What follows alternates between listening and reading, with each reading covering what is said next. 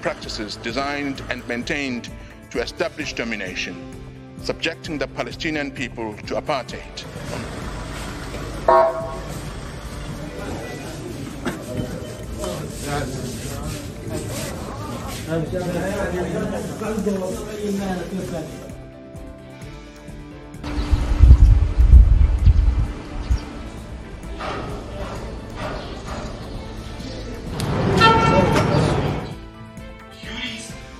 Которые понимают суть, вспоминают, что после нашего мира тоже нет места хранения.